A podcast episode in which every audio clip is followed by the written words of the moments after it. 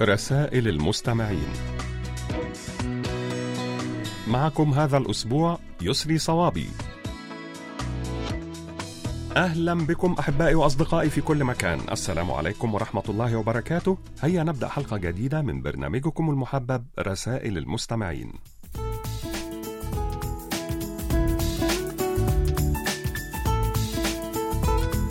وفي البداية نشكركم أيها الأصدقاء الأعزاء على تعليقاتكم حول الموضوع الذي طرحناه الأسبوع الماضي وهو يقال في الثقافة العربية إن لكل امرئ من اسمه نصيبة.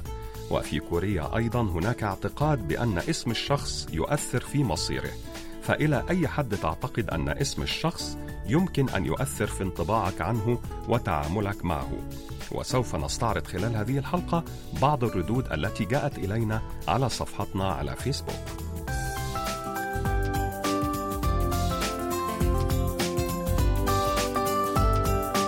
اكتبوا لنا أيها الأصدقاء على صفحة القسم العربي على فيسبوك. وأيضا إذا كان لديكم مقترحات بأفكار ترغبون في مناقشتها عبر البرنامج أرجو منكم إرسالها إلى بريد القسم العربي أو إلى ركن رسائل المستمعين.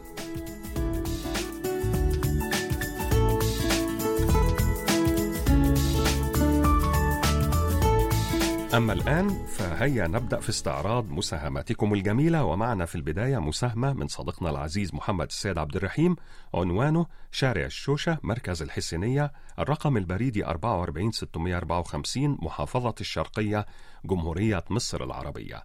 وتحت عنوان أخلاق المحبين كتب يقول إن جسور الحب تظل دائما ممدودة ومفتوحة للمحبين فلا تهدم كل الجسور مع من تحب فربما شاءت الأقدار أن تلتقي به يوما ما وما أجمل أن تبقى اللحظات الجميلة والمشاعر الطيبة التي جمعتك بمن تحب وأن تذكر دائما لمن تحب كل إحساس صادق. ولا تتحدث عنه إلا بكل ما هو خير ورائع ونبيل. فليس هناك أغلى من القلب والعمر في حياة الإنسان. اجعل في أيامك مجموعة من الصور الجميلة لهؤلاء الأشخاص الذين سكنوا قلبك في يوم من الأيام. واجعل من قلبك مخبأ سريا لكل أسرارهم وحكاياتهم. فالمحبة أخلاق قبل كل شيء. وإذا اجتمع الشمل مرة أخرى حاول أن تتجنب أخطاء الأمس التي فرقت بينك وبينهم لأن الإنسان لابد أن يستفيد من تجاربه.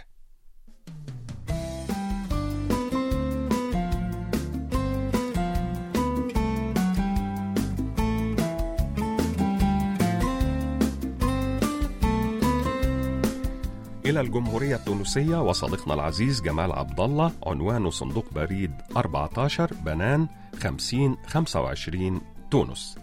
وتحت عنوان فوائد الحمص المسلوق للجسم كتب صديقنا جمال عبد الله يقول الحمص المسلوق مدر للبول ويعالج المفاصل وآلامها وخاصة عظام الظهر. وهو منشط للأعصاب ويفتت الحصو المتراكم في الكلى كما أنه يفتت الحصو الموجود في المسالك البولية. يحافظ على صحة القلب ويقيه من التعرض إلى الجلطات ويحافظ على صحة الأوعية الدموية ويقيها من التصلب ويحفز نمو الشعر الجديد ويخفض من نسبة الكوليسترول الضار في الدم ويرفع من نسبة الكوليسترول النافع. أيضا من فوائد الحمص المسلوق للجسم أنه ينظم مستوى السكر في الدم ويبني العضلات ويساعد في أداء وظائفها ويبني الأنسجة في الجسم ويصلحها في حالة التلف كما يخفض من مستوى ضغط الدم المرتفع وهو مضاد للأكسدة ويحسن المزاج ويحافظ على صحة الجهاز الهضمي وينظم حركة الأمعاء.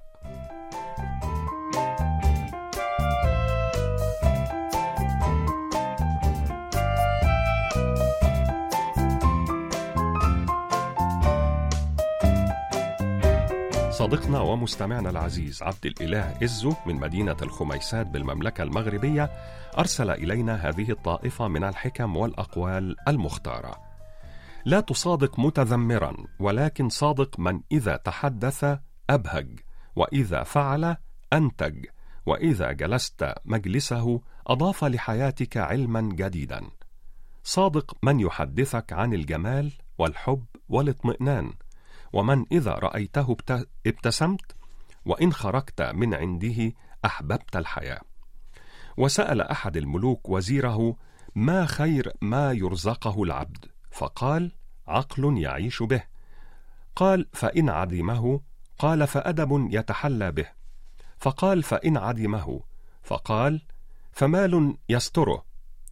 قال فإن عدمه قال فصاعقة تريح منه العباد والبلاد. وقيل مهما بلغت ثقتك بالآخرين لا تفتح لهم من غرفة حياتك سوى غرفة الضيوف. وكلما زاد نضج الإنسان كلما قل عدد من من حوله من الناس فالعقل الناضج لا يحتمل المجاملات. وأخيرا لن تنضج إلا بعد أن تشعر بأن لديك الكثير من الكلام ولكنك لست بحاجة إلى أن تخبر به احدا.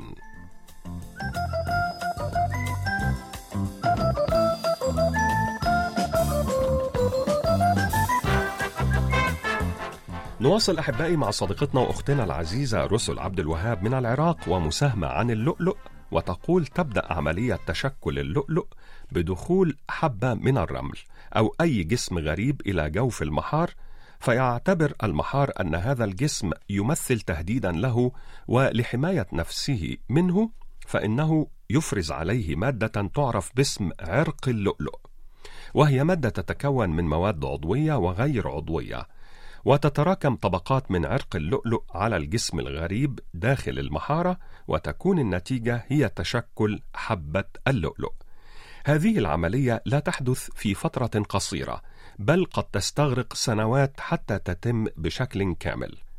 ومكونات اللؤلؤ هي الماء بنسبة 5% ومواد عضوية بنسبة 5% أما النسبة الأكبر من مكوناته فهي كربونات الكالسيوم حيث تشكل 90% ومن أسماء اللؤلؤ في اللغة العربية الدانة وهي اللؤلؤة الكبيرة والدرة وهي اللؤلؤة عظيمة الحجم والحصة وهي اللؤلؤة متوسطة الحجم وأخيرا السفانة وهي مجرد لؤلؤة.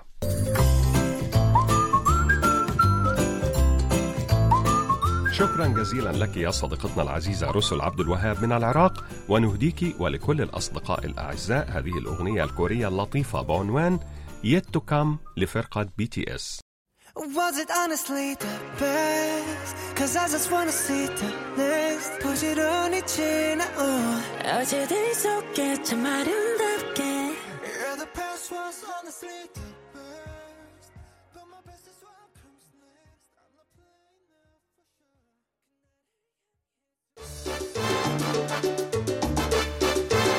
الآن إليكم أحبائي وأصدقائي بعض الردود السريعة عن رسائلكم أحبائي وأصدقائي أدعوكم جميعا لإرسال تسجيلاتكم الصوتية التي تحتوي على مساهمات أو كلمات كتبتموها بأنفسكم أو مقترحات أو أفكار تريدون توصيلها عبر البرنامج. نشكر مستمعنا الوفي بو علي مؤمن من الكاليتوس بالجزائر على هذه الحكم تجبرك الأيام على أشياء كنت لم تتوقعها في حياتك فإن لم تحارب من أجل الحفاظ على ما تحب فستفقد حبه ومن ثم ستفقده وقد يأخذ كل شيء ويرحل ويترك لك الذي تستحقه إن لم تقاوم ألا وهو الألم. ولكن للصبر حدود والذي لا تستطيع تغييره ولا يستطيع أحد في هذا الكون أن يجبرك عليه هو أن يتحكم في قلبك فالقلوب لا تجبر على ما لا تحب.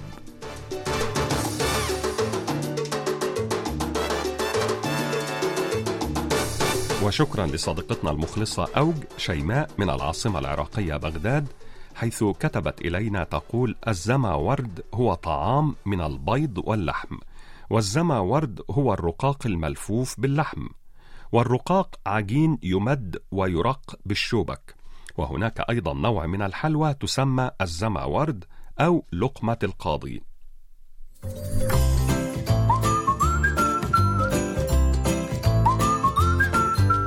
الشكر موصول لصديقنا العزيز عبد الله بوي من السنغال على هذه الطرفة من طرائف جحا. يقول رأى جحا ذات يوم سربا من البط بالقرب من بحيرة فحاول أن يلتقط من هذه الطيور شيئا إلا أنها أسرعت بالفرار من أمامه. وكان معه قطعة من الخبز فراح يغمسها في الماء ويأكلها. فمر به أحدهم وقال له هنيئا ما تأكل فما هذا؟ فأجابه جحا إنه حساء البط فإذا فاتك البط فاستفد من مرقه.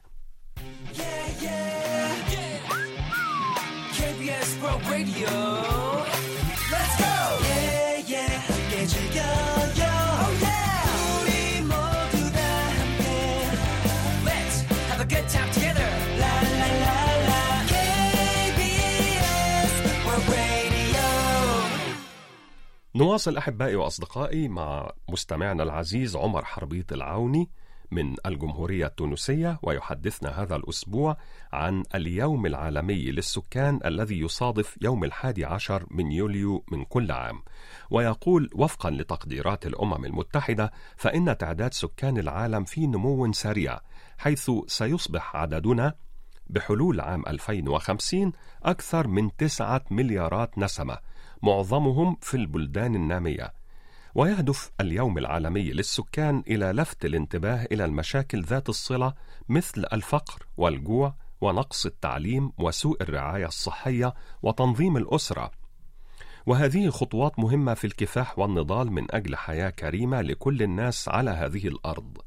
وقد بدأ الاحتفال بهذا اليوم منذ عام 1987 عندما بلغ عدد سكان العالم خمسة مليارات نسمة. أما الآن فقد بلغ عدد سكان العالم ثمانية مليارات نسمة. ووفقا لتقرير حالة سكان العالم الصادر عن صندوق الأمم المتحدة للسكان فإن هناك واحدا وثلاثة من عشرة مليار يعيشون في الدول الأكثر تقدما بينما يعيش ستة وسبعة من عشرة مليار نسمة في الدول الأقل تقدما. وحسب هذا التقرير بلغ متوسط معدل الإنجاب الكلي في عام 2022 على مستوى العالم 2.4 من عشرة طفل لكل سيدة في سن الإنجاب.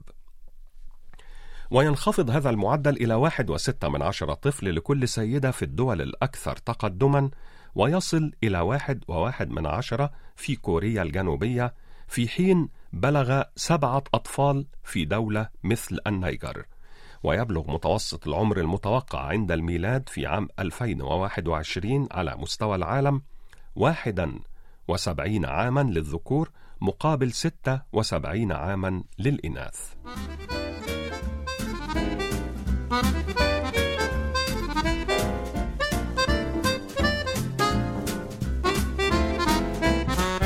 الصديق العزيز الخل الوفي إدريس بودينا المواطن المغربي المقيم في مدينة بيتسبرغ في الولايات المتحدة الأمريكية أرسل إلينا هذا السؤال ما هي كلمات النشيد الوطني الكوري وما هو تاريخه؟ ونقول لك يا صديقنا العزيز إن النشيد الوطني الكوري إيغوكا قد كتب في سنة 1896 تقريبا وتم اعتماده رسميا في ذكرى عيد الاستقلال الكوري في الخامس عشر من أغسطس من عام 1948 عند تأسيس حكومة كوريا الجنوبية. وقد لحنه الموسيقار أن إكتي وتقول بعض كلماته حتى يتهدم جبل بيكدو وتجف مياه البحر الشرقي ليحمي الله دولتنا ويبقيها.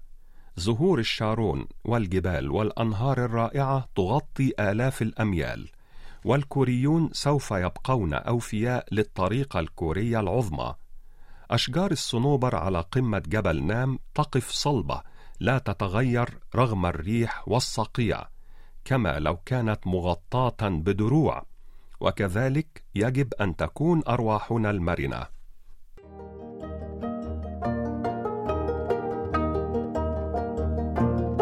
قضية الأسبوع.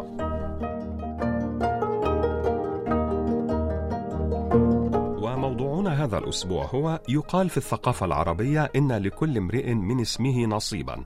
وفي كوريا أيضا هناك اعتقاد بأن اسم الشخص يؤثر في مصيره. فإلى أي حد تعتقد أن اسم شخص ما يمكن أن يؤثر في انطباعك عنه وتعاملك معه؟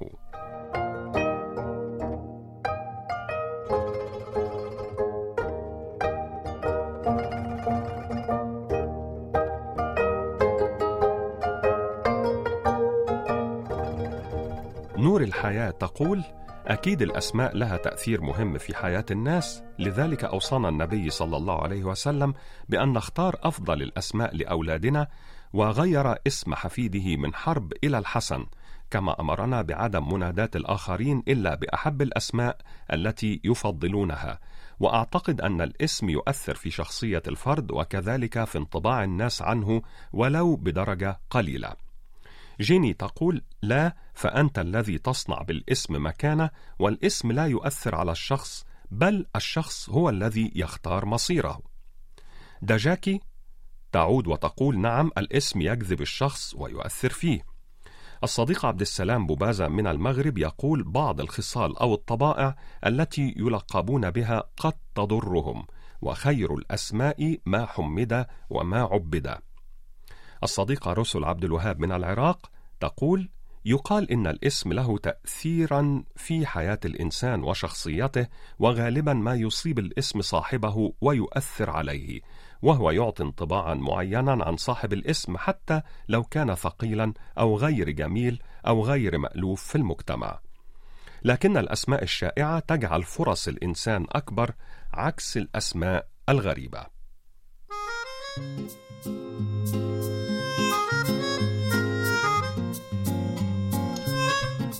نشكركم أيها الأصدقاء الأعزاء على كل مشاركاتكم القيمة وننتظر منكم المزيد من المشاركات المفيدة والجميلة وسوف نواصل معكم بعد قليل.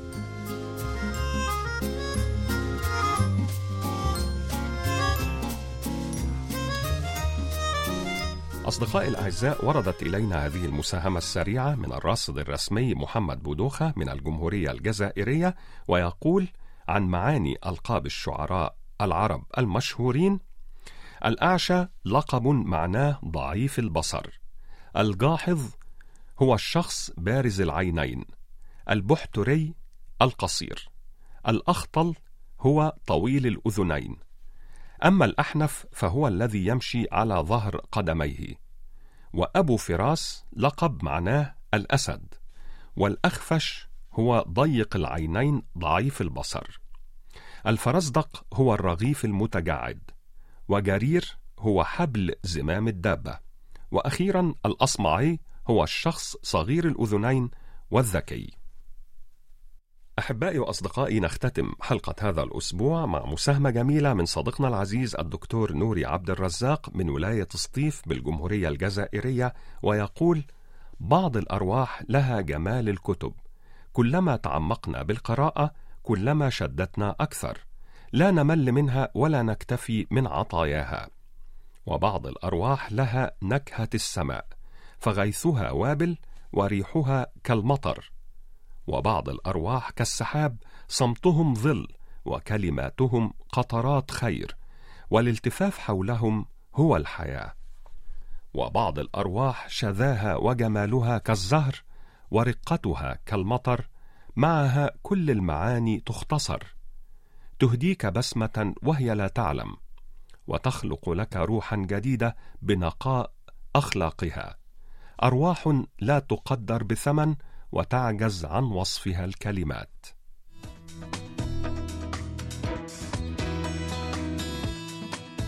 بهذه الكلمات الجميلة نكون قد وصلنا أحبائي وأصدقائي إلى ختام حلقة هذا الأسبوع من برنامجكم المحبب رسائل المستمعين. نعدكم أيها الأصدقاء الأعزاء بأن نلتقي بكم في مثل هذا الموعد من الأسبوع القادم إن شاء الله. وحتى ذلك الحين إليكم تحيات مخرجة البرنامج لؤلؤة بيجونغ أوك وتحياتي يسري صوابي